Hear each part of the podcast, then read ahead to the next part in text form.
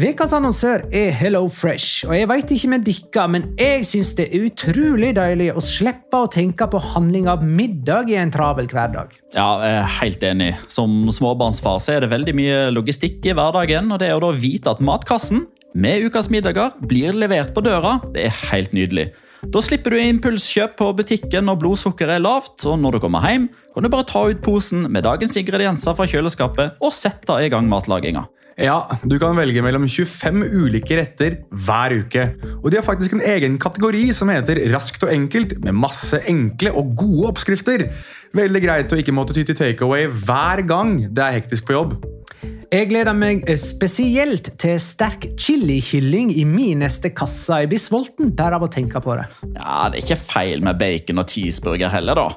Og det som også er bra, er at matkassen koster det samme hver uke, som gjør det enklere å holde matbudsjettet. Ja, og så blir det ikke matsvinn heller, fordi du får akkurat det du trenger til hver eneste rett. Hello Fresh kan absolutt anbefales, og bruker du koden vår, LIGALOCA, kan du få opptil 1779 kroner i rabatt på de fem første matkastene hvis du ikke har prøvd Hello Fresh tidligere. Du kan også prøve koden hvis du har avslutta abonnementet ditt for tolv måneder siden eller mer. Gå inn på hellofresh.no og bruk koden LIGALOCA. Bon appétit! Hallo? Jeg kommer fra Oslo politikammer. Ine Jansen er purk. Er du purk? The motherfucking bitch. Alt jeg vil, er å finne ut hva som skjedde med mannen min. Jon Carew. Er jeg sikta for noe? Iben Akeli. Det er du. Ole So, Lars Berrum og Big Daddy Karsten. Hvem sin side er du på, egentlig? Anette Hoff, Tone Danielsen, Kommer du fra Afrika? Jørnis Josef, Nesten. Kløfta. Trond Espen Seim. Det er synd å si det, men det var feil mann som døde. Purk.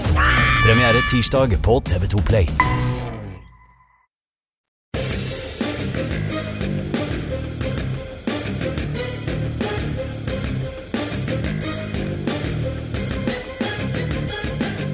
Har du sett?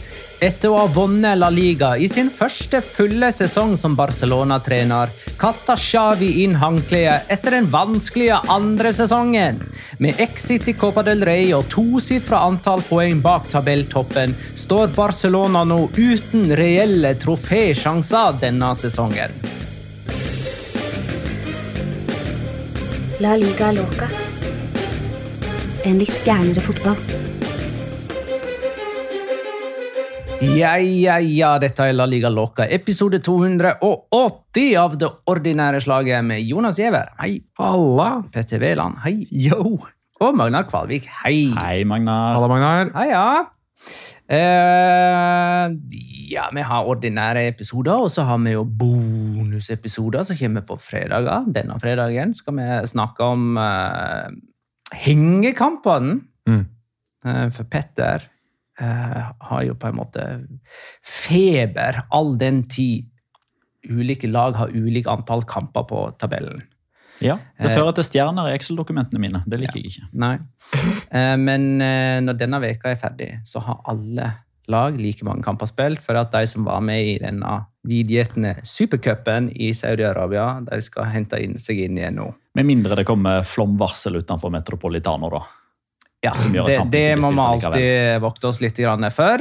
Eh, Men eh, de som skal høre den Patreon-episoden, da, eh, Jonas, hvordan får de tak i den? De går inn på patrion.com slash laligaloca. Der kan de da abonnere på en del ulike tiers. Noen tier gir bonusepisoder, noen tier gir bonusepisoder og tilgang til vår discord. Der er det ekstra mye moro nå, spesielt med både quiz hver eneste helg i regi av Kim. Og det blir mye gøy på deadline day førstkommende torsdag. Bare sånn for å illustrere Ja, litt det eh, må vi, eh, sorry, det må vi kanskje snakke om òg i Patreon-episoden Jeg vet at på du ikke fredag. Jeg trodde, jeg trodde du bare neglisjerte det. at, det er en såkalla eh, dødlinjedag. Mm. Eh, Men hvis jeg sier eh, 584, er det noen av dere som vet eh, hva jeg refererer til da? Er det antall poeng jeg har i Kims quiz? Eh, Nei, ikke helt ennå, men du kommer nok dit.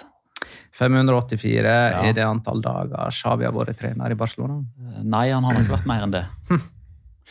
Antall innlegg i Discord eh, underveis i Barcelona via Real. Oh ja. Oi! Det Så var det er ganske mange. altså! Det var ganske det er mange. aktivitet. Mm, Bruker vi smalltalken på reklame nå? Det er veldig bra. ja. Um, Ikke nevner vi Quisling, ikke nevner vi Rocky. Og der var begge nevnt. Yep. Og apropos Rocky. Eh, Vi avtalte jo i forrige ordinære episode at vi skulle se Rocky sammen. Ja. Den fredagen som passerte. Det ble ikke. Nei. Og så avtalte vi at vi skulle se han i dag. eh, Det er altså mandag 28. januar. 29. 29. 29. til og med. Etter innspilling av episode. Det ble heller ikke. Ja, jeg skjønner at Så folk det å samle oss tre for å se Rocky Vent litt nå. Nei, nei, nei, litt nå. Jeg bare får sagt det til den som lytter og ikke ser dette, og det er, det er jo majoriteten. Eh, Jeg fikk et veldig sånn ormsk blikk av Magnar i det du sa at det ikke noen av disse ble av, for at dette var jo mine initiativ. Det er helt riktig. Det var ditt initiativ, og så har jeg og Petter tenkt- altså, Det var ditt initiativ til at vi skulle se Rocky. Ja. For du, det var noe du måtte få oss til å gjøre. Ja. Og så har jeg Petter foreslått jeg og Petter foreslår fredag og mandag, Ja. og du har sagt nei begge ganger. Det er fordi eh, fredag, for de som da er eh, medlemmer, medlemmer på Patron, eh, våre patroner, eh, de vil jo lagt merke til at de to siste gangene har ikke jeg vært med i bonusepisoden fordi jeg har hatt viktige møter jeg skal i. Skal også i et viktig møte i kveld.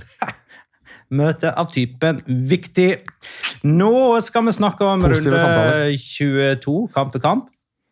Etter det så skal vi gå i dybden på eh, utvalgte kamper, og etter det igjen så er det Locoras. Høres riktig ut, ja. Og etter det igjen eh, Petter Pregunta, eller Spørre Petter, som jeg syns er mye bedre navn. Runde 22 kamp for kamp. Det hele starta med Almeria Alaves 0-3. Etter et par tapre kamper der Almeria fikk langt mindre enn fortjent, så fortjente ikke de mer enn de fikk her. Alaves eh, for Alaves så skåre the usual suspects Luis Rioja og Samu Omorodion. Sistnevnte skåra to. Eh, Real Sociedad Rayo Vallecano 0-0. Vent litt. Skal du ikke mer inn på den forrige kampen nå? Jeg må jo det. Ja, det må du. Bra. Real Sociedad Rayo Vallecano 0-0.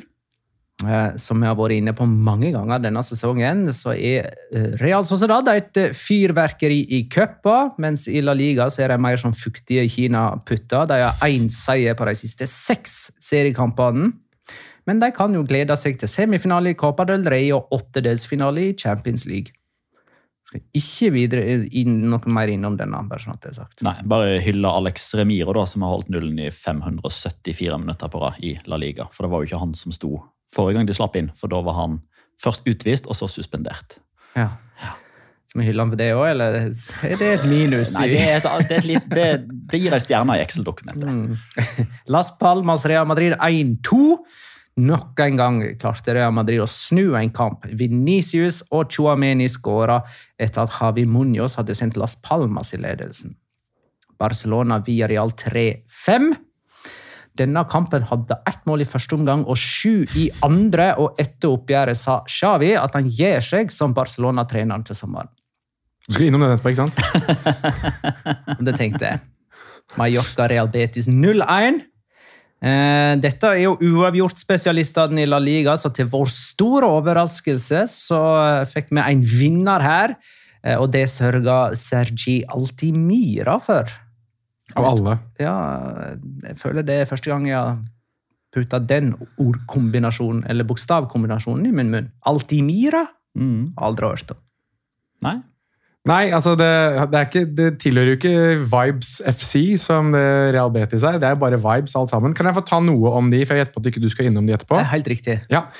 Nabil Fikir han eh, var på vei til Saudi-Arabia. Det var jo snakket om at det var et, gud, et bud nå, jeg, nå sier jeg mye feil. Jeg skjønner ikke hvorfor. Jeg må være Jeg har sånne dager sjøl. Ja, det, er helt jævlig. det er helt du kommer aldri ut av det heller. Har du først snubla, så bare fortsetter. Ja, jeg beklager, Får men aldri balansen igjen. det er to eller tre ganger nå. Jeg, det er vanligvis, jeg har ikke drukket noe vin. Jeg har hvit måned, så det er veldig rart at ikke det skjer.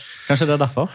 Mulig. Mulig Jeg kunne i det minste ha skylda på det. ja, det kunne du. Mulig jeg må drikke før episode. Uansett, Nabil Fikir han har sagt nei til Saudi-Arabia.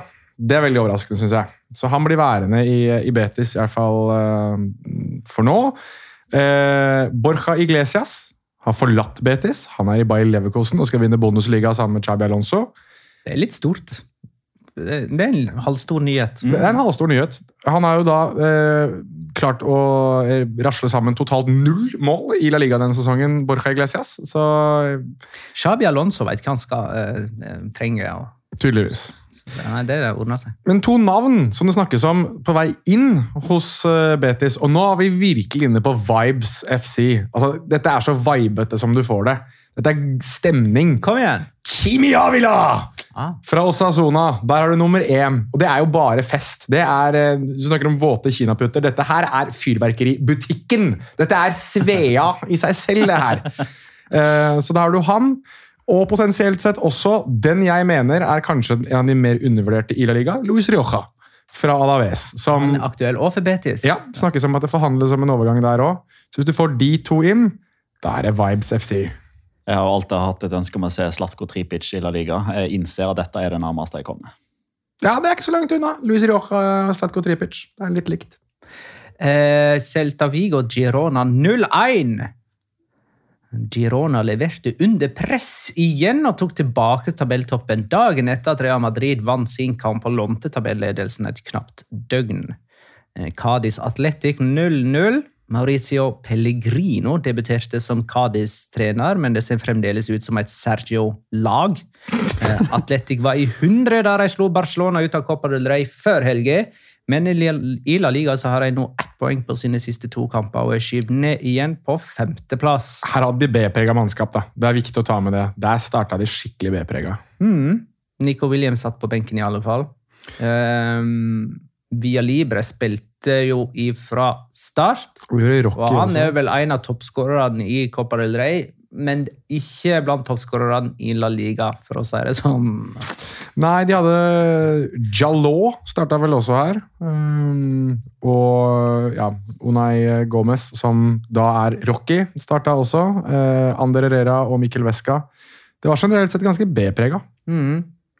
Sevilla Sassona 1-1. Sevilla røk ut av Copa del Rey mot Atletico før helga.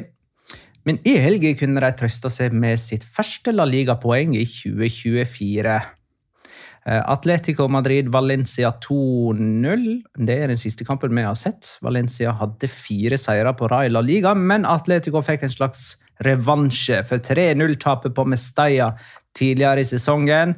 Eh, Og etter at vi har spilt inn vår episode, så spiller Getafe Granada mandag kveld. Vi kan plukke opp igjen den på, i Patrion-episoden på, på fredag. Sa han med et glis. Nei, men kanskje vi skal ta Barcelona-diskusjonen eh, først, da. Um, kan jo bare ta kjapt uh, gangen i kampen. At Villarreal leda 2-0. Barcelona snudde til 3-2. Villarreal snudde tilbake til 3-5. Sørloth gjorde som Jørgen Strand Larsen, som skåra på Monchuic. Men han hadde i tillegg to målgivende, og laget hans vann. Eh, For eh, Celta Vigo i sin tid leda jo òg 2-0. Men eh, da stoppa kampen etter at Barcelona hadde snudd til 3-2. Ja. Uh, jo, og så kommer jo da Xavi med uttalelser etter kampen om at han gir seg som Barcelona-trener etter sesongen. Petter, du sa jo allerede i bonusen vår forrige fredag at han ikke kom til å sitte lenger enn denne sesongen her. Da hadde de nettopp råket ut mot Atletic i Copa del Rey. Ja, basert på måten han ordla seg på. Eh, Og han har jo nå i bakhånd sagt at han hadde bestemt seg for dette etter supercupfinalen mot Ja. Barcelona. Det var da han bestemte seg for det. så basically du er blitt Petrizio Romano, du da, med tanke på at du satt med inside scoop på dette? Uh, nei. Si ja, du nå! Nei. Nei, det var jeg aldeles ikke. Men eh, jeg klarte åpenbart å snappe opp at eh, det var litt forskjell på måten Chavi uttalte seg på. Og at eh, det, som vi har vært inne på, da, en endring i diskursen hans. Og det får nå for så vidt være ei greie, og så kan man sikkert oppsummere Chavi-perioden når den er ferdig. Det som er spennende nå, og det som er sånn Det, altså, det er så Barcelona. Det altså, dette er Barcelona for meg. Med Arteta, med Klopp, med Flick, med Tuchel. Altså, det, altså, Som er aktuelle Barcelona skal ha kandidater, sju trenere de neste sesong. S- Som er spekulasjoner dette skal være Barcelona sin variant av Vålerenga i 2007. Det er sånn sjuhoda trenermonster. Men er Barcelona um, som klubb ansvarlig for disse spekulasjonene? Nei, men Barcelona som klubb, da må vi jo ta med alt som det medfører. Det er jo supportere, media og nå kommer favorittordet vårt, mekanismene rundt klubbene, som vi både elsker og hater på ett og samme tidspunkt. Altså, da vil jeg igjen bringe opp min absolutte favorittmeme i La Liga Loca-historie, og egentlig i uh, altså Discord-historien. Here comes Antonio Conte! one regular day of Barcelona, that's all I ask for, will never happen. det er Men akkurat sånn det er eh, blitt. Alexander skriver hvorfor ville Xavi å gå ut med dette nå? At han er ferdig etter sesongen. Hva om de skulle gå til topps i Champions League? Oddsen, om enn veldig små, er jo der. Jeg synes det var et veldig veldig godt poeng. Nå satt, satt jeg og så på El Chiringuito, altså dette spanske programmet som går på nattestid. Um, der synes jeg programleder Josep Pedrerol egentlig hadde et veldig veldig godt poeng. I det at Han sa at hvis jeg hadde gått ut nå så- han er, Pedrerol har jo vært der i 10-15 år. altså Han har vært gjennom hele greia. Det som er gøy, er at han har jo sagt at han skal gi seg før. Han har det, men han sa i hvert fall hvis jeg nå sier at jeg gir meg på slutten av sesongen, kommer det til å få dere til å ville jobbe hardere da, eller kommer dere til å være demotivert eller tenke at nå kommer det noen, ny, noen endringer uansett, så da er det ikke noe vits i at vi jobber like hardt som før? Jeg syns det er et godt poeng, jeg, altså. sånn oppriktig talt. Hva er motivasjonen for disse Barcelona-spillerne da? Det er et godt poeng, men det er samtidig situasjonsbasert. fordi du har jo nå to trenere som har valgt å gjøre noenlunde det samme. altså Både Klopp og Xavi har jo sagt at de gir seg når sesongen er ferdig. Men du kan ikke sammenligne nei, de to. Nei, nettopp. Nei, okay, men Det er takk. derfor jeg sier at det er situasjonsbasert. Fordi okay. Liverpool-spillerne kommer til å springe shortsen av seg for Klopp fordi han har vært der så lenge, og måten, det han Mm. betyr for klubben, og måten han eh, håndterer avgangen sin på, hvor Ja. de er når han sier at han skal gå osv. Mens jeg er, jeg er litt redd for at eh, de skal ned i det sporet du er på vei nå, om at det er en desil- desillusjonert gjeng som kommer til å avslutte sesongen for Barca nå. Tre ord. Read the room. Det har ikke Xavi klart å gjøre her. Nei, men det som er spennende, da, er jo at Xavi sier at han hadde bestemt seg for dette her etter Supercopa-finalen, som de tapte i Saudi-Arabia med 4-1 mot Real Madrid. Og så ryker de ut mot Atletic Club, og så taper de hjemme mot Barcelona. Og da kommer jo rapportene Hjemme mot Ja, hjemme mot Villarreal. Hva sa jeg? Barcelona. Barcelona. Eh, tapte hjemme mot Villarreal. La oss påpeke det en gang til. De tapte hjemme mot Villarreal. Eh, men det som er spennende da, er at utover den kvelden der, så kommer det jo fram at Laporta plutselig er fly forbanna og har samla hele gjengen til et allmøte i garderoben, og Chavi har ikke fått lov til å forlate stadion osv. Så, videre. så kommer det fram at det er Chavi som velger å trekke seg når sesongen er ferdig. Der tror jeg det har skjedd et eller annet som på et eller annet tidspunkt kommer til å komme fram. For akkurat nå, jeg, jeg, jeg synes det er igjen da, i et forsøk på å lese hva som blir sagt, og hvorfor det blir sagt. Chavi sleika ræva til Laporta dagen etterpå. Laporta sleika ræva til Chavi dagen etterpå, uten at de egentlig tenkte å gjøre det. Jeg tror dette er maling. Ja, altså at de, de har egentlig smelt noe jævlig mellom Ja, de to. Ja, jeg begynner å lure på det, altså. Men den, den jeg syns er den mest fascinerende altså Personen i dette som er den mest fascinerende, er jo Deko. For jeg husker jo det at det var snakk om at Deko hadde fått Laporta til å være med og velge hvilke spillere som skulle være med i den troppen som spilte borte mot Royal Ja. Antwerp. Mm. Der tapte de jo så det sang Barcelona. altså De ble rundspilt tidvis av av Antwerp. og Da var det snakk om at eh, her er det murring, her har det begynt å gå skikkelig lekk da, mellom disse partene. At eh, nå har virkelig ekteskapet surna. Eh, Um, Hvordan eh, var kontrakten til Xavi? Altså, hvor mye hadde han igjen? Eller hvor mye har han igjen? 2026, Han signerte ny kontrakt vel? for ikke så lenge siden. Si- Signerte ny kontrakt i høst. Det er 2026. egentlig ganske oppsiktsvekkende at en trener trekker seg. Det skjer ganske sjelden. Jo, men eh, Kan du gjøre det veldig kjapt? Bare Søk opp når han signerte ny kontrakt. Xavi. Fordi Det er ganske imponerende hvis du klarer å signere en ny kontrakt på høsten 2023, og så i januar 2024, eller februar 2024 Nei, det er ikke februar engang. i Januar ennå. Januar 2024 så bestemmer du deg for at jeg trekker meg. Og du bestemmer selv at du trekker deg. Her er det et eller annet ganske September. 22. 22. september. Ok, så september, da. 22. Altså nesten nøyaktig, da. Altså, uh, Det er fire ja. måneder. Oktober, Ja, fire måneder, da. Eh, For jeg jeg skal ikke glemme at han styrer et lag som er bygd opp av framtidige inntekter. Altså, Barcelona har jo Vi har snakka mye om Palancas. Mm. Ja, ja, ja. Det, en stor del av Palanca-prosjektet det var å selge inntekter som de har de neste 25 årene. Altså fjerne de inntektene for å få dem med en gang og bygge opp et lag. Mm. Dermed så er nå de framtidige inntektene basert på resultat. Mm. Så de må vinne, de. Ja. Eh, og, og det er bare altså, eh, Det er ikke kødd. Eh, Barcelona ønsker inderlig en superliga der de kan tape kamp etter kamp etter kamp uten at det får konsekvenser. Mm. Nå får tap konsekvenser, og den som står midt i det, det er Xavi. Og det å leve med det presset der, det kan bli jævlig tungt. Det er Så jeg ser for meg at en ny trener skal være jævlig klar over at han, han får ikke sparken. For det har ikke Barcelona råd Barcelona har ikke råd til å, å betale noe fallskjerm eller å ha to trenere på lønningslista si. Nei. Så skriver du en treårskontrakt nå, så skal du stå i stormen hvis, hvis det går deg imot. Jo, men altså, Det er jo veldig interessant, for det var jo en ting som Ja. Xavi understreka veldig. Det å være trener i Barcelona. Altså, Jeg husker ikke nøyaktig hva slags ord han brukte, men type det er veldig utakknemlig jobb.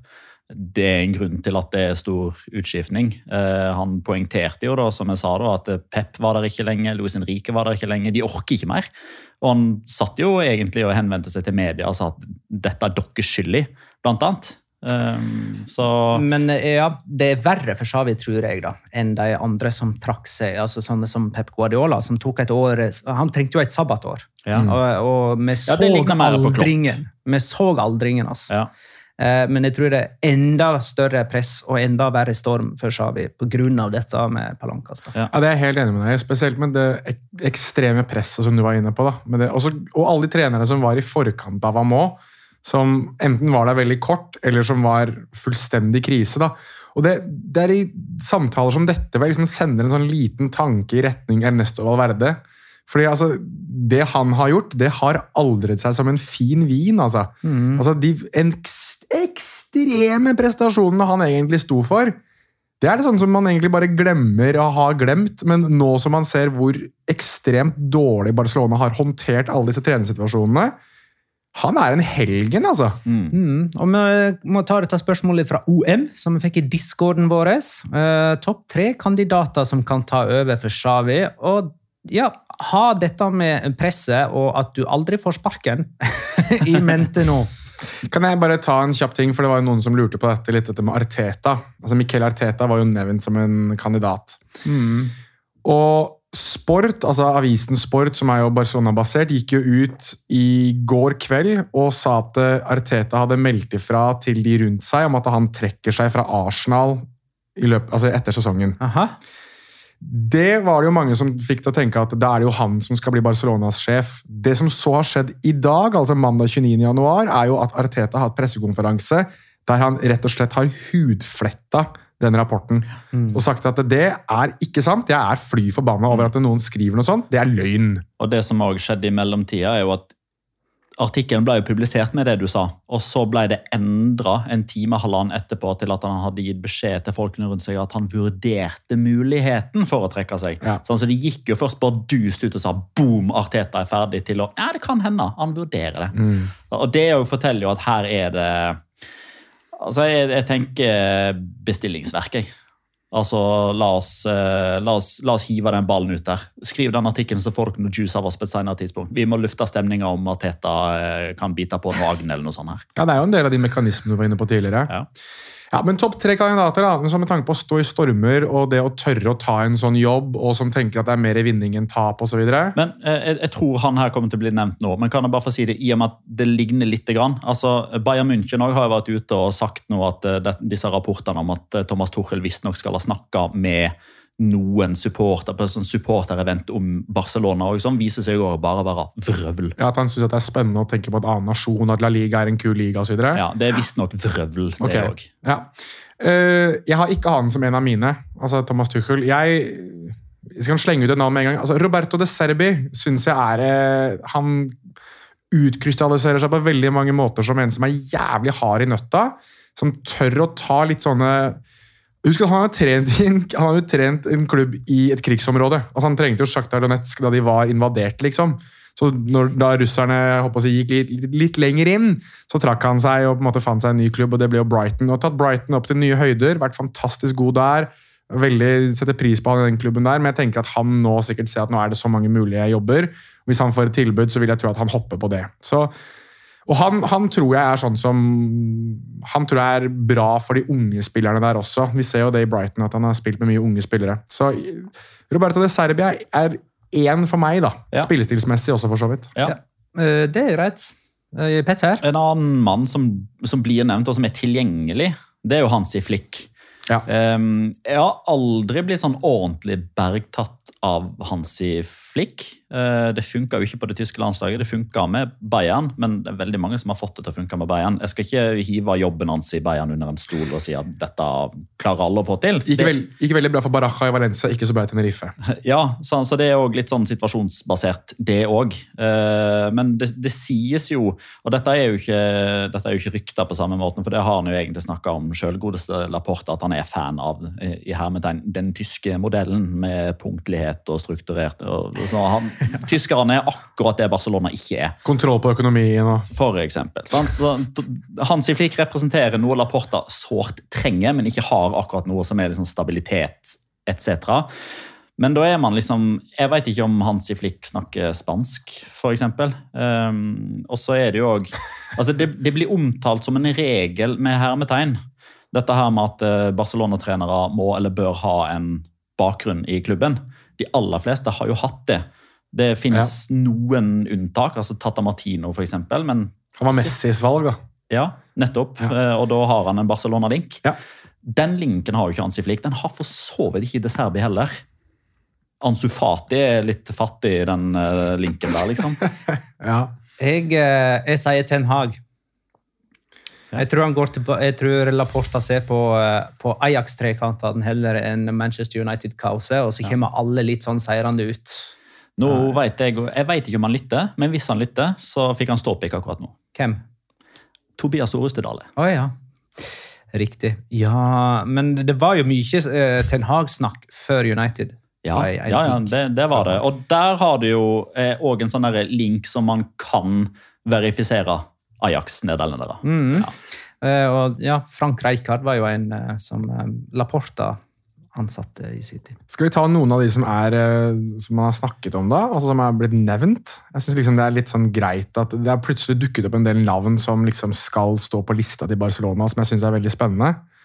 Jeg syns det er veldig spennende, ikke om alle andre er enig i at det er spennende, men eh, jeg syns det er gøy at eh, plutselig Luis Henrique har dukket opp igjen. Som en som man vurderer. Han har ikke gjort det så bra i PSG. Uh, Jørgen Klopp, selvfølgelig. Han er ferdig i Liverpool. Ja. Den kommer ikke til å skje. Nei. Uh, Imanol Alguacil har dukket opp. altså Real Sociedad sin trener. Han er, men han er jo litt sånn, han gjør det veldig bra i den klubben han er fra, liksom. Ja. Eh, Ja, da, da går du fra trygge til Det- veldig utrygge rammer. Det blir litt Ruben Baraja for meg, altså. ja, jeg er enig i det. Ja. En som ikke nevnes, men som jeg syns burde vært nevnt altså den som, heter, den som burde være det første, den første jeg ville ringt, da, hvis jeg var Barcelona Den aller første jeg ville ringt, det er Mitchell. Ja. Oppe litt, litt lenger nord i Catalonia. Det er fryktelig rart at han ikke blir nevnt. Ja, men uh, hadde jeg vært Mitchell, så hadde jeg ikke tatt telefonen. Skal vi se Klikk, klikk, klikk. Det er så bare, Hva faen er dette? John Laporte? Nei, nei. Barcelona er ti poeng bak Real Madrid og elleve poeng bak eh, Girona. En kamp mindre spilt enn Girona. De møter uh, Osasuna denne veka i hengekampen sin, eh, Barcelona. Det er onsdag. De har heimekamp der. Og der kommer de til å vinne så det synger etter. Det er jeg helt sikker på. Ja, det kan være. 4-0. Eh, I eh, møte med eh, Villarreal så har det altså blitt eh, 4-3 til Barcelona på, le, eh, på ja, Les, Le Ceramica. La. La Ceramica. Det er det sånn der fransk Le, Le céramique. Le Ceramique. Le Ceramique! Og så ble det altså 5-3 til Barcelona. Til Villarreal, faktisk, eh, på Montjuic. Så eh, 15 mål på to møter mellom disse her. Vi har jo en runden spillernominasjon fra denne kampen. Ja, det har vi. Uh, og jeg la ut en tweet om det, om at dette her må være den beste prestasjonen av en nordmann i La Liga, i kamp med Jon Carew eh, i Villarreal Valencia i 2001. Jeg har sovet litt på det og funnet ut at dette her er nummer én. Dette er bedre. Dette er den beste Dette er prestasjonen. den beste prestasjonen av en norskspiller i La Liga noensinne. Uh, og det er liksom, altså det, det er lett å henge seg opp i, og det er jo selvfølgelig det som er viktigst. Han skårer et mål. Det er liksom det avgjørende målet. Ja, Morales pynter på, liksom. Uh, han har to målgivende.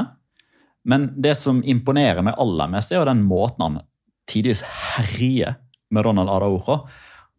Og det er ekstra gøy at det er nettopp Araujo han eh, herjer med. For når vi snakka med Sørloth i eh, september, Ja, så snakka han nettopp om at det var de duellene han likte best. Han likte Mm. best å bryne seg på de som er antatt tøffest rent Ja, for det var, dette var jo en han ikke kunne se ned på, eh, Nei. i bokstavelig forstand. Ja. Han måtte se opp på Ja. Araujo. Ja, Mm. eh, eller i alle fall liksom bort, eh, for de er ca. like høye. Men, men den der, jeg husker han snakka om det liksom den der, det der anerkjennende blikket med at han liksom bare ser på hverandre og tenker fy faen, nå skal det smelle. liksom. Ja.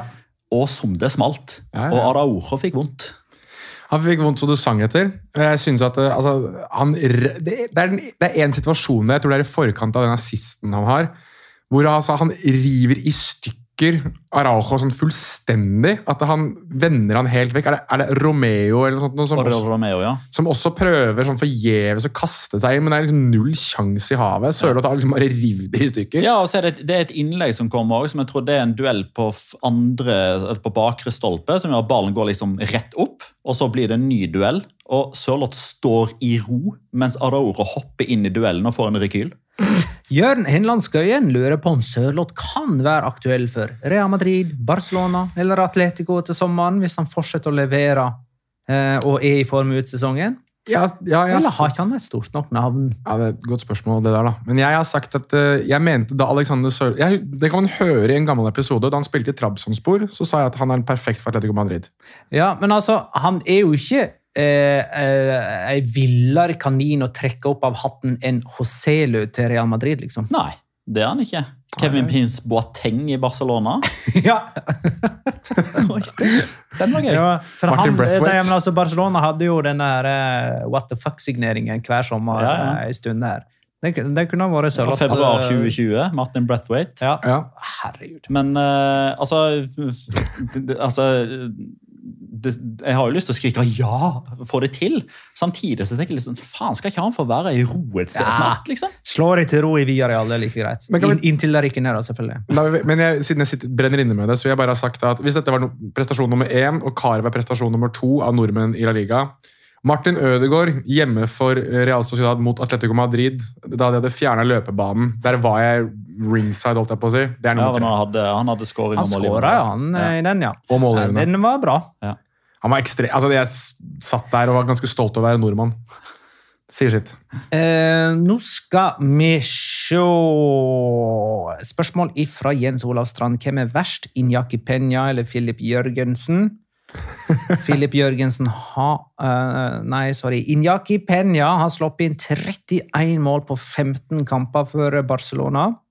Med et snitt altså på over to baklengs per kamp. Det er, det er ekstremt når du spiller for Barcelona. Ter Stegen har i samme sesongen altså, så har han sluppet inn 15 på 17, altså mindre enn ett baklengs per kamp. Det er ekstremt. Det, det er sjukt mye Locora-vennlig materiale i den kampen her. Ja, men jeg har valgt noe annet, jeg vet at du også skal et annet sted, men, men det som jo er den største Locoraen sånn egentlig, er at Filip Jørgensen var ikke den dårligste keeperen i en La Liga-kamp.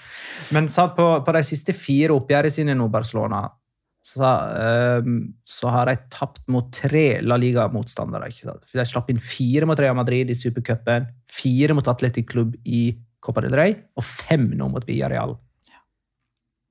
Ja, det er riktig. Eh, og så Vi la jo ut en video her forleden på Instagram eh, og, om Filip Jørgensen. At han var født i lomma. Ja. Eh, og da fikk jeg en eh, Messenger-melding av en som heter Douglas Wilson, som jeg kjenner til fra gammelt av, fordi han var Real Betis-supporter. Her snakker vi liksom 15 år tilbake i tid, norske fans-æraen, liksom. Oi, wow. Ja. Eh, Douglas Wilson han er svensk.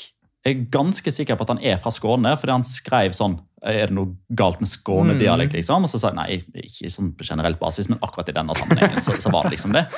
Eh, og da eh, fant jo Douglas Wilson ut at han var egentlig ikke så veldig fan av Filip Jørgensen, han heller, fordi han er jo egentlig svensk, men har valgt å representere Danmark. Så da Ja. kom vi til en enighet om at han er Sveriges Quisling. Oi. Ja. Med skånedialekt. Mm. Så Sveriges Quisling der, altså. Eh, Gedis. Bare sånn en, en mention. Uh, fantastisk signering for Villarreal. Skåra borte mot Barcelona. Skulle ha gjort det òg i debuten sin mot Mallorca, Ja, uh, eh, men da er det nevnt. Vi går til Las Palmas Real ja og så er det en åtte målskårere Ja, det har jeg ikke kampen. tenkt over Det var en spanjol, en marokkaner, en tysker, en ivorianer, en portugiser og en nordmann. Eh, Både marokkaner og nordmann. Jeg var representert til gangs. Ja. Da Las Palmas Real Madrid. Eh, Det var Real Madrid sin tiende snuoperasjon for eh, sesongen. Den sjette i La Liga. Eh, jo, jeg har kommet fram til at Real Madrid er La Ligas beste dødballag. De har fortsatt ikke sluppet inn én en eneste dødball og har skåra flest av alle med åtte. Og Seks av de er levert fra høyrefoten til Tony Cross. Ja. Uh, og den ene Ja, skal vi se. Den uh, ene kom nå, sant? Ja. Mm. Han la corneren til Chouameni. Yeah. Uh, og en annen eh, fascinerende ting er at Real Madrid allerede har fire spillere med tosifra antall mål denne sesongen. Det er totalt da i alle turneringer. Bellingham med 18, Rodrigo 12, Venicius 11 og Joselo 10. Joselo, altså. Ja, Ja, nei. Sørloth òg hadde skåra tosifra antall mål for den klubben der. Ja, det, de hadde, da hadde de hatt en spiss som kunne starta hver kamp òg. Det hadde jo vært litt hyggelig for Real Madrid sin del. da. Men eh, altså Her er det igjen en situasjon der jeg lurer litt på om det skulle Jeg husker ikke hvem det er. Er det Carvahall eller er det Fran Garcia som jeg trodde ga bort et straffespark i løpet av den kampen her? Eh, Litt sånn jeg, jeg skal ikke si at det er noe, jeg skal ikke gjøre noe større spekulasjon ut av det. Og Jeg syns egentlig Real Madrid er bedre enn Las Palmas, spesielt i andre omgang her. Jeg har ei svær greie som jeg har lyst til å ta opp. Take it away. Um, spesielt sett i lys av at jeg var vel jeg var en av ganske få som liksom ikke tok ordet katastrofe og ran i min munn etter Real Madrid-Almeria, fordi jeg forsøkte, eh, ikke i større grad enn andre, men jeg forsøkte liksom å se ok, hva er bakgrunnen for dette her. Så jeg synes at det var litt oppblåst, men jeg synes det er fryktelig rart at ingen har snakket mer om Rodrigo. Det han gjør etter fem minutter Yes, på ja. Alvaro Mm. Valles. Ja, ja. Fordi Han slår, ja. ja, men det som gjør dette her ekstra spesielt, og som gjør meg forbausa over at media ikke har plukka det opp i større grad, det er jo at vanligvis i en sånn situasjon så kunne man liksom ha sagt at ja, men ikke, dommer oppfatter det ikke som et slag. Han mener sikkert at det er en dytt, eller noe sånt, og hvis han oppfatter det som en dytt, så kan det være gult kort, og det er ingen klar og stor feil. Hva klar og stor feil? Hva står det i, dom, i dommerrapporten? Der står det at Rodrigo Goers får gult kort for et slag. Et slag er rødt kort. Til og med et forsøk på slag er rødt kort. ja. Det er faen meg ingen som har plukka det opp. Nei, altså, nei, jeg, vi så, jeg så det ikke i real time, men det dukket jo opp på, i discorden vår, og vi var flere som var sånn Dette her må da vel være rødt kort. Uh, Det der slaget, er det sånn håndflateslag uh, tra- og traff han? Han traff, ja. Det, er lite, i hodet. det, er en liten, det er en dytt fra Det, Valles. det er noe eh, Valles Ja, det er en liten knuff der. Valles har ballen i hendene og, Ja. og skal i gang med å sette i gang spillet igjen. Og han gjør vel òg. Han får ikke satt i gang. Altså, jo, jo, han- jo, han setter i gang, Ja, og så legger han seg ned. Ja, liksom ikke sant? Det, det, er noe, det er noe der. At, hadde han liksom lagt det med én gang, så hadde det blitt en uh, større ting. Det er mulig.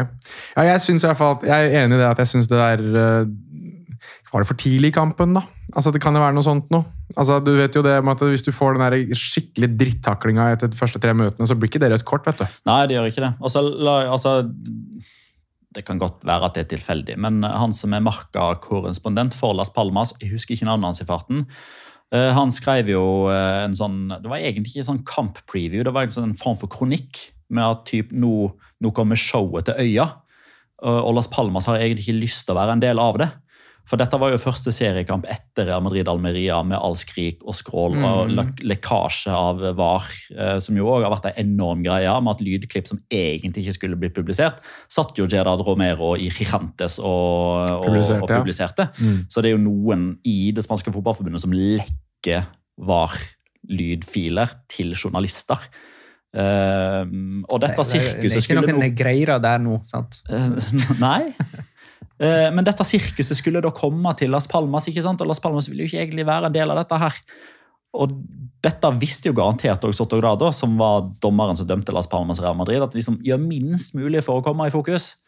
Og hvis du slenger ut et rødt kort etter fem minutter i en kamp mot Real Madrid, da havner du i fokus uansett om Rodrigo Gorge hadde, med seg, hadde hatt med seg motorsag og partert keeperen, så hadde folk snakka om det.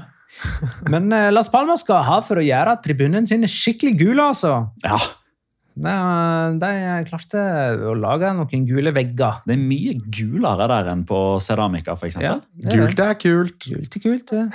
Eh, Real Madrid har 15 seriekamper på rad uten tap siden de røk for Atletico Madrid i september. Og Atletico er neste motstander, eh, hvis vi ser vekk fra den hengekampen. Så mm, eh, Det er Madrid der, To stykk Madrid-derby kan man si denne veka her for Real Madrid. Først møter de Getafe eh, borte på torsdag. Det er den hengekampen deres. Og så tar de imot Atletico Madrid hjemme eh, søndag. Da med at Atletico Madrid møter Rayo også. Eh, vi har ikke kommet til eh, Atletico ennå. Jeg bare tenkte siden det, det er tre stykk sånn totalt. Jo, men for, ja, ja. men for Real Madrid så er det to, da. Ja, eh, og så eh, syns jeg det er verdt å nevne at Getafe altså spiller i kveld, mandag. Sånn at de får jo da to, Ja. to hviledager før de skal møte Real Madrid. Og, for, og får jo den derre eh, eh, Uten å være i et cuplag, de er ute av cupen, de er ikke med i Europa. Og, så, og de har liksom ikke et sjølpåført tøft kampprogram. Og likevel så får de tre kamper på, i ei og samme uke. Mandag, torsdag og søndag blir det vel. Mm. ja, den er ganske sprek. Uh, de får lov til å kjenne på det å være Champions League-lag litt i dag. Ja. Eh, fikk meg et bevis på at Arda Guler eksisterer her, eller? Det gjorde vi. Uh, jeg, måtte, jeg måtte jo gni meg litt i øynene og passe på at jeg ikke hadde At det ikke var noen sånn feberdrøm eller noe sånt. nå, Da jeg så nummer 24 stå klar for å byttes inn for Real Madrid. Uh, jeg, hør, jeg har jo hørt noen rykter om at Arda Guler visstnok har spilt noen cupkamp for Real Madrid. Det tror jeg bare er sagn. Han kom inn og skåra nesten, faktisk. Ja, det var i hvert fall en spiller med, med nummer 24, og det sto Arda Gule på ryggen, men om det er han, er jeg ikke helt sikker på. Eh, Real Madrid er poenget bak Girona. Før de spiller den hengekampen sin, i alle fall. Girona vant altså 1-0 på Ballaidos Porto. Ble matchvinner for Girona, som har vunnet begge oppgjør mot Celta Vigo med 1-0. Men eh, i denne kampen her, altså da de vant 1-0 hjemme mot Celta Vigo, så er det sånn type heldig seier. Mm. Merkelig annullering. eh, Da var Benitez på sitt sinteste. ja, eh, og det var vel en overtidsskåring som avgjorde det hele. Men her hadde de 60 ball, eh, ballbesittelse. De hadde flere vellykka pasninger og driblinger enn Celta Vigo. De hadde flere avslutninger og flere mål. Altså, De vant liksom alle statistikker som tilsier at det var det beste laget i den kampen. Det er ikke- Ja. det er ikke feil heller. Ja, nei, men altså, Celta Vigo hadde perioder der de var gode. Spesielt fra en halv, cirka en halvtime. Og de neste to minuttene. Nei, og de neste ti. Uh, altså Jørgen Strand Larsen treffer jo tverrleggeren, blant annet, så han er, han er fryktelig nær uh, scoring der. Men jeg har bare lyst til å altså For de som ikke har sett scoringa til Girona, jeg, jeg syns den oppsummerer Girona sesongen 2023-2024 og måten de bare spiller seg gjennom. Så her er transkriberinga av angrepet. Hvor lang tid tar det? Nei, det tar lengre tid nå når du spør meg om sånt. Keeper starter med ballen,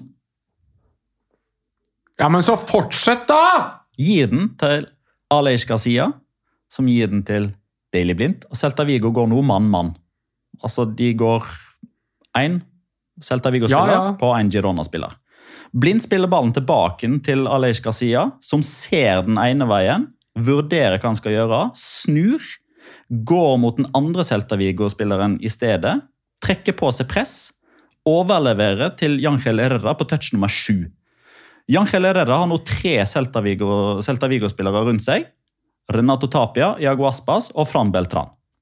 Det han så gjør, det er å spille ballen foran Daily Blind i rom, for at Daily Blind kan altså han, gir altså han snakker med ballen. Ballen snakker til Daily Blind om at her må du angripe nestemann som kommer. Det som skjer da, at han trenger bare to touch. Og da er Girona forbi seks Celta Vigo-spillere. Fire pasninger, tre spillere, Mm. finte vekk, ta vekk presset til seks Celta Vigo-spillere. Og så er det Miguel Gutierrez og Savinho som gjør sin magic. Finner Porto inn i 16-meteren 12 sekunder etterpå. og 1-0. Altså, det, det er altså så vanvittig stor klasse på det Girona gjør. Ja. Eh, og mm, Jeg kanskje du skulle ta eh, at det er angrep langs en kant. da, altså... Ja, det er venstresida som er Det- avgjørende. Ja, det er ofte venstresida. Ja. Og så er ikke det innlegg i tradisjonell forstand. Det, det slår pasninger langs bakken inn i feltet, og så er det sånn Men hadde de slått et, inn- et innlegg i tradisjonell forstand, så hadde Dovbik hetta Ja. ballen i mål. Det kan eh, være Ja, det tok ett og et halvt minutt i angrepet der, òg. Det tok nesten like lang tid for deg å lese opp alt det der. Nei, jeg tror ikke det. Nei, det var, det var ett og et halvt minutt det tok Petter. Ja, Jeg, jeg, jeg tror angrepet gikk noe, noe fortere. Jeg sa jo det. Jeg sa jo det. Tolv, sekunder etterpå. sa jeg. Ja. ja, men det er bra, det, Petter. Jeg liker at du, liker at du lever deg inn i det Girona bedriver. Vi skal ikke glemme at Girona sine neste tre kamper er hjemme mot Real Sociedad, borte mot Real Madrid og borte mot Atletic Club. Det er syretesten deres, ja. Mm. Her fikk du for øvrig eh, Celta Vigo-fansen sang Benitez vet ja. Ja, det gjorde de. Benitez Jeg vil ha han ut, de, betyr Mm. det. Det betyr det. Det. Og det er jo ikke Altså, vi har vel snakket om det ganske lenge i, i eh, Man, ja, det vi har snakka om, er at man har ikke uh, Man har for mye sympati til å sparke han, uh, og for lite penger. Helt riktig. Uh, altså, med sympati mener jeg at de tapte mye ufortjent i, i høst. Ikke så Nå kan de ikke de unnskylde seg med det lenger. Nei, vel. ikke så mye. Kan jeg ta en siste ting før du går fra den kampen her? Fordi i dag har det, eh, jeg lurer på, i dag, mandag 29. januar, så dukket det opp en uventet eh, melding i innboksen til monsieur Petter Wæland, eh, der avsender har noe med den kampen her å gjøre. Så jeg vet ikke om du har lyst til å ta det, Petter? Eh, ja, det kom en melding fra, fra Jørgen Strand Larsen. Og der står det følgende og Forrige interagering jeg hadde med han, eh, det var i september. Så denne kom overraskende på. Nå har det vært mye annullerte og nestenskåringer med stolpeskudd osv. Uro deg ikke. Jeg kommer for deg. På titallet skal jeg! Blunk, blunk. Så Jørgen Strand Larsen, altså Petter Wæland, lever eh, hvis, du, hvis, hvis eh, styringsrenta skulle ta deg, Petter, Ja. Så har du et sted å bo, og det er i hodet til Jørgen Strand Larsen. For der betaler du ikke noe som helst i avgift, for der er du. Eh, jeg har en rundspillernominasjon fra denne kampen, eh, og det er rett og slett for å, for å fremme eller snakke opp litt eh, keeper òg for Girona. Jeg syns Gazaniga er ganske bra. Ja, det er du en av få. Hæ? Det er du en av få som syns det. Ja, ok. Nei, han, altså, I motsetning til Iñaki Penya så rydda han litt sånn opp når det er feil. Ja, rot, eh, bak i, eh, hos Girona. Synes generelt, eh, og kanskje først og fremst at han er god i feltet i denne kampen. Rydda ned mange innlegg. I tillegg hadde noen solide redninger. Så jeg tommel opp til Gazzaniga. Og så må vi jo nevne at Girona røk ut av Copa del Rey mot Mallorca før helga. Mens i La Liga så har altså 14 strake uten tap. Det er så sjukt. Girona, liksom. De har to tap hele sesongen, og det var jo den ene da, mot Mallorca i Copa del Rey, og så mot eh, Real Madrid i eh, La Liga. Vi hopper videre til Atletico Madrid mot Valencia. Det er ikke så mye å prate om der, altså. Samuelino, tidligere Valencia-spiller, skåra for Atletico og jubla som en Atletico-spiller skal juble. Enig? Memphis Depay skåra òg. Memphis Depay han har altså på ett år i Atletico spilt 645 minutter i La Liga og skåra sju mål. Noe som gir et snitt på ca. ett mål per 90. Mm. Det, er, det har gått litt under radaren, syns jeg. Ja, det er bedre enn alle. Ja, altså Det har jo gått under radaren fordi Alvaro Morata har aldri sett bedre ut, og Antoine Griezmann aldri har sett bedre ut. Men er Memphis uh, ofte skada, eller? Ja. Det er han nå, da, men, men når han kommer inn i det igjen, så er det liksom Han er jo desidert den som skal sitte på benken av disse tre. Ja, ja, det, det er han. Det, men altså, det, det som er nøkkelen her, er jo som Jonas påpeker, at Morata og Griezmann leverer som bare juling. Og det er jo ikke bare det at de nødvendigvis leverer bedre per minutt, for det gjør de faktisk ikke. Men de leverer jo hele tida. De er der alltid. Morata og Griezmann er der alltid. Aldri Ja. skada, aldri suspendert. Mens Memphis Depay han leverer, så er han skada, og så glemmer man han litt. Og så kommer han tilbake igjen, så oi, Memphis er jo faktisk ganske god, han, og så er han ute igjen. Mm. Ja, nei, jeg Men- Ja, Og stort sett spiller spill mot ett mål i den kampen her, eller? ja, ja. ja. Altså Det, det, ja, nå, Jeg kan ta nå har du mye på hjertet, Jonas. Nei, jeg, nei, jeg har ikke det. Jeg kan bare ta det kjapt. At jeg synes det var veldig hyggelig at uh, ettersom Atletico Madrid lot Valencia valse over dem på Mestalla, så var det jo greit at Valencia lot uh, Atletico valse over dem på Civitas Metropolitano. Mm. Og nå har de altså 27 hjemmekamper på rad uten tap. Jeg kan ta, Ny rekord på eh, Civitas Metropolitano hvis de unngår tap mot Raja Vallecano på onsdag. jeg kan jo ta det kjapt. Baraja sa etter kampen at eh, i etterkant av den første omgangen så kunne han like gjerne byttet ut alle elleve. Han var- syntes, Mm. det var dritt, liksom. Og det er jeg enig i. Jeg husker ikke hvilken Valencia-spiller som ble intervjua kort tid etter kampen, men han sa jo òg at uh, trener Baraja hadde all grunn til å være sint på samtlige Valencia-spillere etter den første omgangen. Ja, nei, de var forferdelig dårlige. Uh, Atletico Madrid er på tredjeplass, og i likhet med Real Madrid så har de to Madrid-derby denne veka. Først uh, Rayo på Vallecas onsdag kveld. Det er altså hengekampen deres. Og så da Real Madrid på eh, Santiago Bernabeu søndag kveld. Allerede, så har jo eh, Atletico lagt bak seg et saftig program. Men med gode resultater slo ut Real Madrid og Sevilla fra Copa del Rey, og de slo Granada og Valencia uten baklengs i La Liga og har tre kamper på rad uten baklengs for første gang denne sesongen. Det er nesten et år siden sist de klarte det. Jonas? De har jo også signert tre spillere, de. eh, På ganske kort tid. Ja, Eh, Atletico. Madrid, ja. Jeg bare syns det er greit at eh, vi holder folk litt oppdatert på hva som skjer på det overgangsvinduet. Eh, De har jo da hentet en ny keeper, Horatio Moldovan fra Romania. som har, eh, Han blir jo da desidert andrekeeper bak Jan Oblak. Skal vi tenne et lite lys i farten der, for Ivo Grbic, som ble leid til Sheffield United og slapp inn fem mål i debuten? Veldig bra. Eh, De har også hentet inn Arthur Fermeren fra Vermeeren fra Royal Antwerp, som lekte seg med Barcelona i Champions League-gruppespillet og blir sett på som en av de største talentene i, eh, i verden, egentlig. Veldig spennende spiller. Sist gang, eh, sist, sist gang Atletico Madrid gjorde det, så het spilleren Joao Felix. Så det blir spennende å se hvordan det går med Fermeren.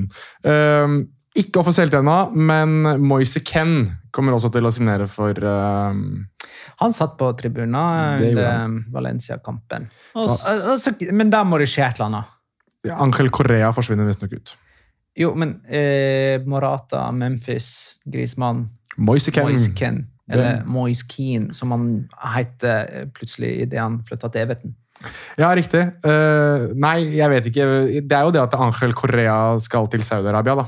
Det er jo det det ser ut til å Ja, ja. ja. Og så må vi jo tenne et lite lys for Sjagla Shagla Søyensjø, som nå ikke lenger er Atletico Madrid-spiller. Det siste han gjorde, var å bli utvist mot eh, Hvem var det, da? Husker ikke hvem det var. Han var jo på banen i ni minutter i hvert fall, og ble utvist. Ja. Det er vel et av de dårligste kjøpene som Eller signeringene, for Ah, gratis. det var er den eh, Getafe-kampen som ble 3-3? Nei, Ja, var det?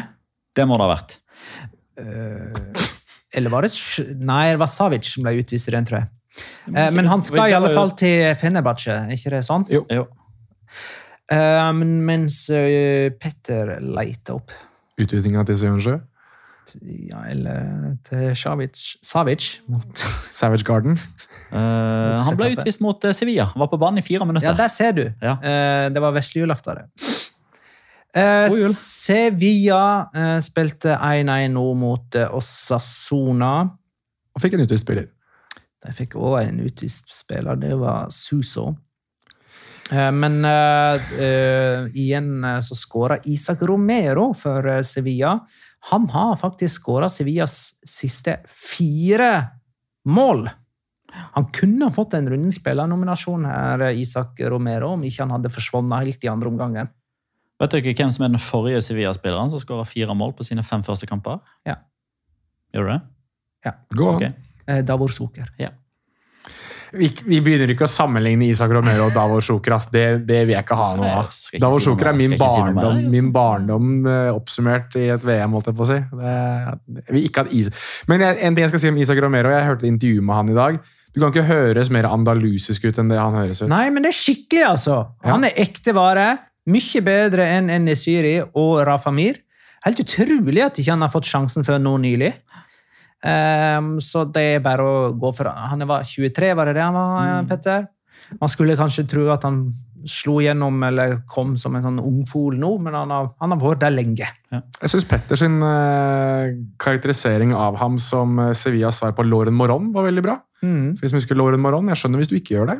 Det er jo knapt nok uh... Han kom og forsvant, da, så jeg liker ikke helt den sammenligningen. For, uh, han, han skal jo bli en Sevilla-legende, han her nå, da. Det skulle Lore Moron bli i Betes òg, men han er vel Han er i Aris Tessaloniki. Jeg skulle akkurat til å si det. Jeg vet hvem som signerte. Eh, trenerne til Sevilla denne sesongen eh, Mendy Libar åtte poeng på åtte kamper. Diego Alonso fem poeng på åtte kamper.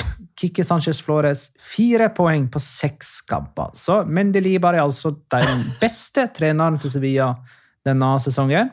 Men ja, nå og- har jo Marcelino gått forbi Pacheta nå, det må jo Ja. bare tas med. Ja, Med seier mot Barcelona. Ja. Eh, Real Betis, altså Sevillas arge byrival, har dobbelt så mange poeng som Sevilla. 34 mot 17. Og det er ikke så lenge siden du kunne snudd det og sagt at eh, Sevilla hadde dobbelt så mange poeng som Betis. Mm. Det er derfor vi sier det. Så det svinger bra. Eh, Dette var altså Sevillas første poeng i 2024. De har én seier på sine siste 16 seriekamper. Mhm. Og Den kom vel i debuten til Kike Sanchez Flores. Ja, der de vant 3-0 mot Granada. Granada. Alle trodde at eh, de endelig hadde skutt gullfugl. Og nå har de jo da åtte strake hjemmeseiere. Eller de har åtte strake hjemmekamper uten seier. Nå, nå har du smitta meg med ja. noe sånn der eh, Jeg trodde til og med det var ni. Men eh, Nei, det er åtte. Og det er tangering av klubbrekorden fra 1965. ikke verst. Uh, den eneste grunnen til at vi nå til slutt snubler inn i et Ivan Rakitic, ferdig i Ja, Sevilla. den er grei. Det må jeg ta Ja, med. den den, den syns jeg liksom er oppriktig trist. At det skulle ende sånn for Ivan Rakitic. Hvor gammel er han nå? 37? Nei, han er yngre enn det. 35, tror jeg. 35-36. Og han, eh, han valgte altså å reise til Saudi-Arabia. Al-Shabaab. Ja, og der vil jeg nesten kjøre en primitiv arrestasjon òg. Jeg tror nesten ikke han velger det. Jeg tror nesten han bare blir skippa dit. Jeg, altså. Eh, altså, jeg, tror, altså, jeg tror han er ordentlig ordentlig skuffa, såra og vondbråten av Det kan- den pipinga som han har fått mot seg nå de siste ukene. Det, ja, ok. Mhm. Ja, men altså, altså, han har valgt Saudi-Arabia sjøl. Det er ikke sånn at noen har lagt han i jern og Nei, nei, det ingen, nei, nei, han setter seg frivillig på flyet, det gjør han. Men uh, det er et sterkt eh, følelsesmessig insentiv her, tror jeg. Eh, og den eneste grunnen til at vi nå på tampen snubler innom Almeria Alaves, eh, det er at vi har en rundenspiller-nominasjon der, nominasjon derifra. Hvem skulle tro at når det skulle nomineres en Alaves-spiller til rundens spiller, eh, så er det jeg som skal ha spilleren? Da skal det sies at Samu Omorodion han er jo da Atletico Madrid-spiller utlånt til Alaves. Og han er altså eh, Hvis eh, du har et ukrainsk vogntog da, i, eh, i Girona med Dovbik, så er ikke han så fryktelig langt unna å være et spansk godstog. Han er altså så ekstremt god. Jeg finner ut at jeg er glad i store, røslige, kjappe spisser som egentlig bare kan få alle mulige sånn enkle avslutninger til å se ut som ren og skjær powerplay. Eh, og er fullstendig ustoppelig i den kampen. her. To skåringer og er også den som skaffer straffe for eh, Alaves. En ekstrem prestasjon av eh, den unge spanjolen, som jeg tror kommer til å være spansk landslagsspiss kanskje innen året er omme. Kanskje han får i hvert fall én kamp. Jeg orker ikke å skrive ned. Klarer vi å huske denne Jeg husker det, jeg. der, eller? Skriv ned. Nei, men du... eh, Jeg husker det. Jeg husker det. Men jeg har jo ikke ditt dokument Jo, men du, Jonas, du kommer jo bare til Jeg kommer jo til å skryte av det når jeg har Ja, rett. Nemlig. Eh, Nettopp. Men når, når det viser seg å være feil, så bare holder du kjeft om det. Det er helt riktig. Eh, og Det er helt riktig. Jonas Ja, men da skriver fikk det. Ba, ba, bare vent til i mars eh, 2027, så er det bare sånn By the way!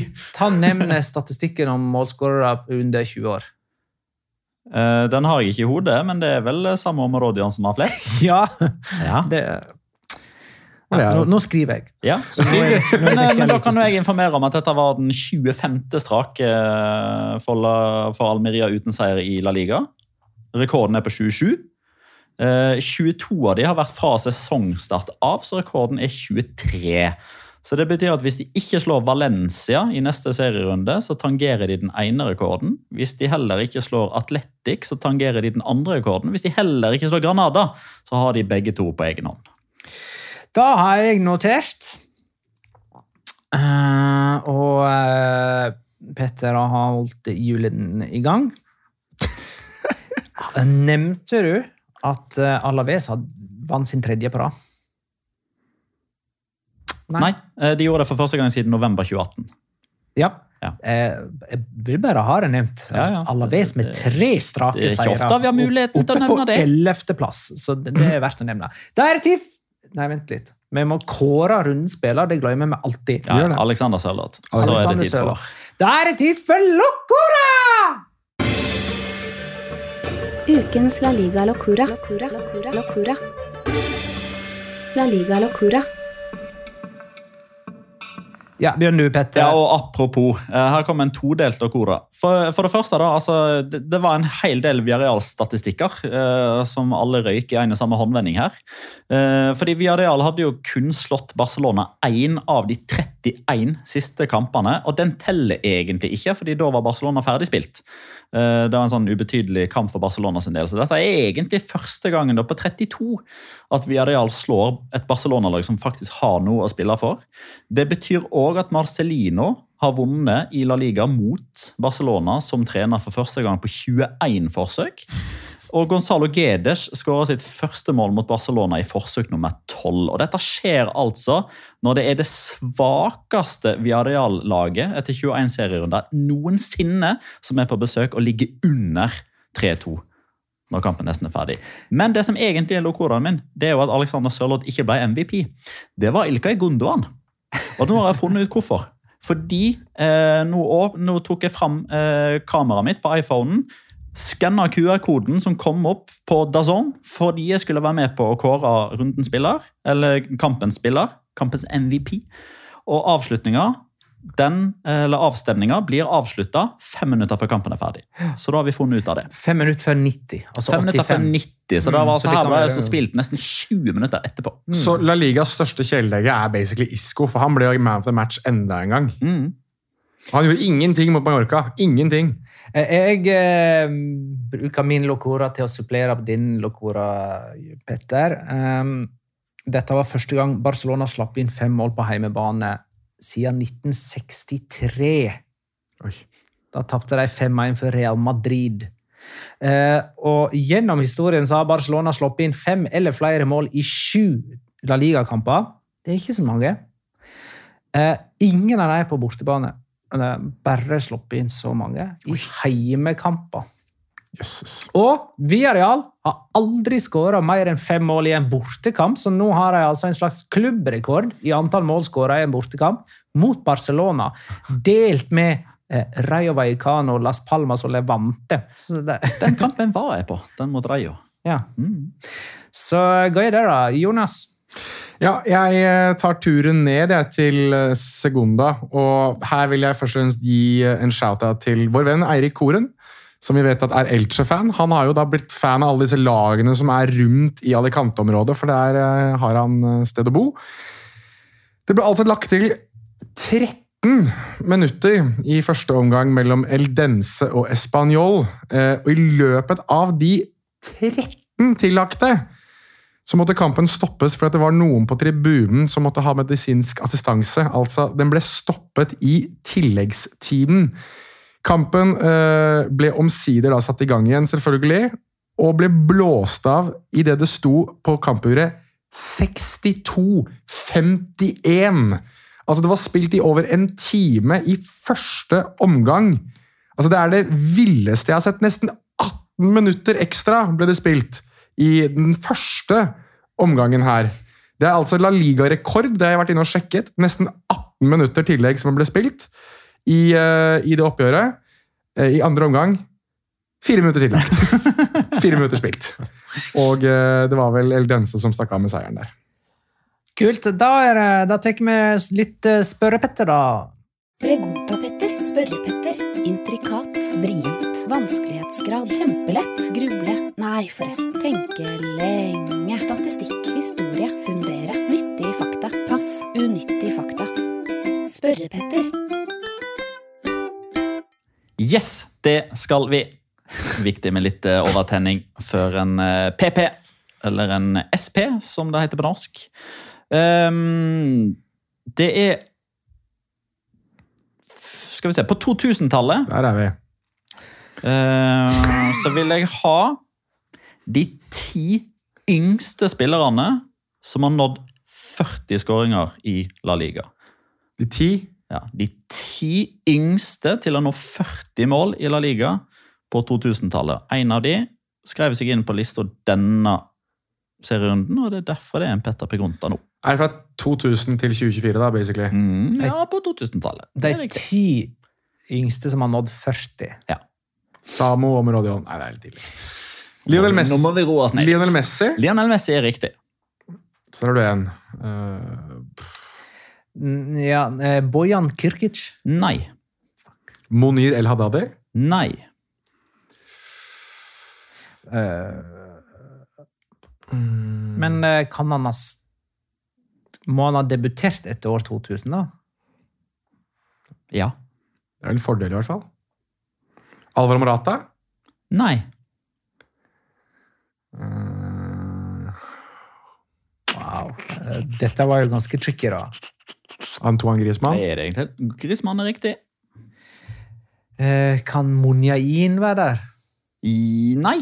Og Yarsab Allah? Ja. Det er en veldig bra en. Det var en som noterte seg for det, den runden her, sa du? Mm. Som var en ung gutt, da, som har skåra den runden her. Men trenger jo ikke å være så innmari ung. Messi, 40 mål er ganske mange. ja, Messi var, er ikke på lista. Jo, jo. Jo, Messi Jo, ja, det er greit. Du følger med, da. Men altså, Bojan Bojan, han, Nådde ikke han 40 mål i det hele tatt? Skal vi se, Eller om han, Han var bare lenge, var for gammel. Han ble jo tidlig utbrent, han. Han spilte ikke så lenge i La Liga. Han var jo bare i Barcelona. vel? Ja, Han har bare 26 La Liga-mål. han. Nei, Han nådde aldri 40. 40. Eh, Kan Cocky være der, da? Nei, han er ikke skåret så mange. Nei, jeg bare tenkte at han kanskje akkurat har nådd det. Han er jo Ja, men, men hvis han akkurat har nådd det, så er jo han langt opp i 30-årene. Ja, sånn, ja, ja, ja, ikke sant? Vinicius må jo ha nådd 40. Det var han som nådde 40 nå. Noen mener at det er 41. Det er det jo selvfølgelig ikke. Jo da, det er 41. Jeg var der på det første. Mot Valladolid. Um, åh, det her var overraskende vrient, kjenner jeg. Hvor mange har vi da? Fire? Ja. Eh, det må jo være noe Det er flere Real Madrid-spillere. Gonza Gonzalo Geders. Nei. Han var ganske ung da han begynte å dytte inn bøtter. Nådde Santimina 40, eller? Santimina er riktig. Hvor er han hen nå, mon tro? um, Gonzalo Gedes har for øvrig skåra 28 mål. 29 mål totalt. Han har ikke flere, nei. Kan, ja, eh, Gerard Moreno var litt sånn late bloomer. så Ja, han er ikke han, nei. Nei. Javier Saviola. Ja. Oi, nå er vi å, Skal vi så langt tilbake? Skal vi, skal vi, er det flere så langt tilbake? Ja. Nei, altså Ja, han er vel den som er nest lengst tilbake i tida, vil jeg tro. Ja, det må han være. Raúl? Nei. Nei, han var Han nådde Ja. jo det på 90-tallet. Ja, jeg, jeg tenkte kanskje han liksom For han var vel 21 eller noe sånt og inn i 2000 der. Fernando Morientes. For gammel eh, Ja, helt sikkert. Men eh, altså disse her eh, Soldado Negredo. og Negredo Begredo. Begredo. Kan Negredo være der? Nei. Ikke Soldado heller. Nei. Så det er ingen av de der gutta der, nei. David Villa? Nei. Nei, han for dårlig. Mata Nei. skåra kanskje ikke 40 igjen før han. Si Silva kan ikke ha rukket det, det er jeg ganske sikker på. Tenk spisser, dere. Ikke ut, ikke ut på kanten og sånn. Reine, skjære spisser. Samuel to Ja.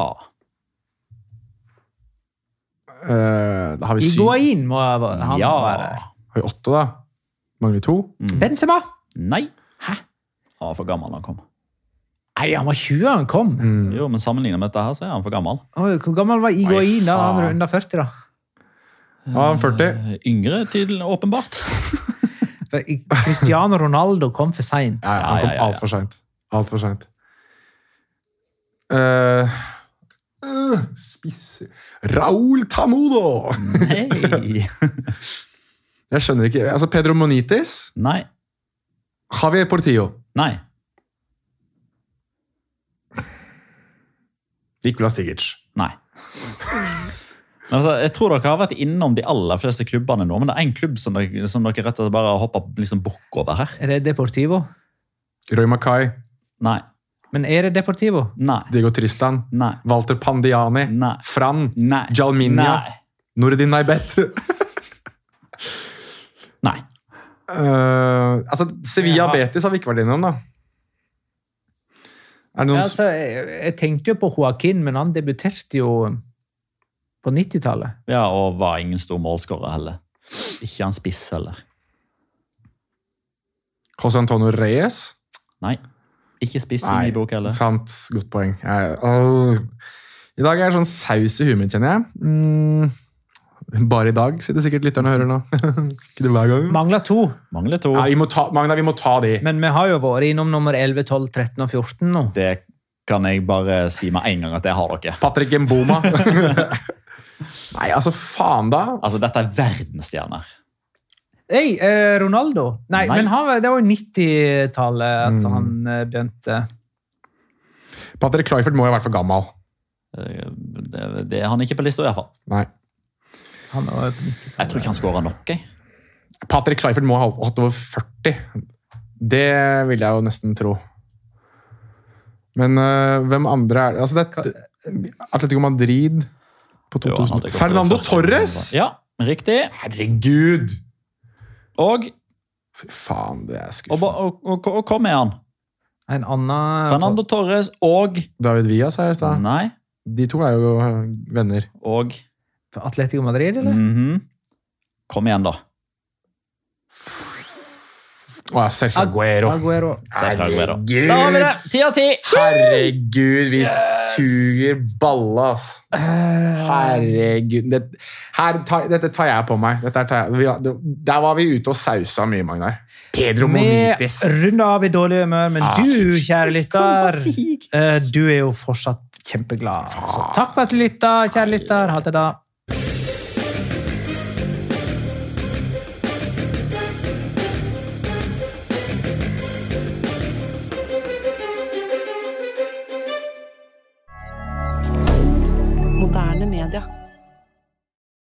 Har du et enkeltpersonforetak eller en liten bedrift? Da er du sikkert lei av å høre meg snakke om hvor enkelt det er med kvitteringer og bilag i fiken, så vi eh, gir oss her, vi. Fordi vi liker enkelt. Fiken superenkelt regnskap.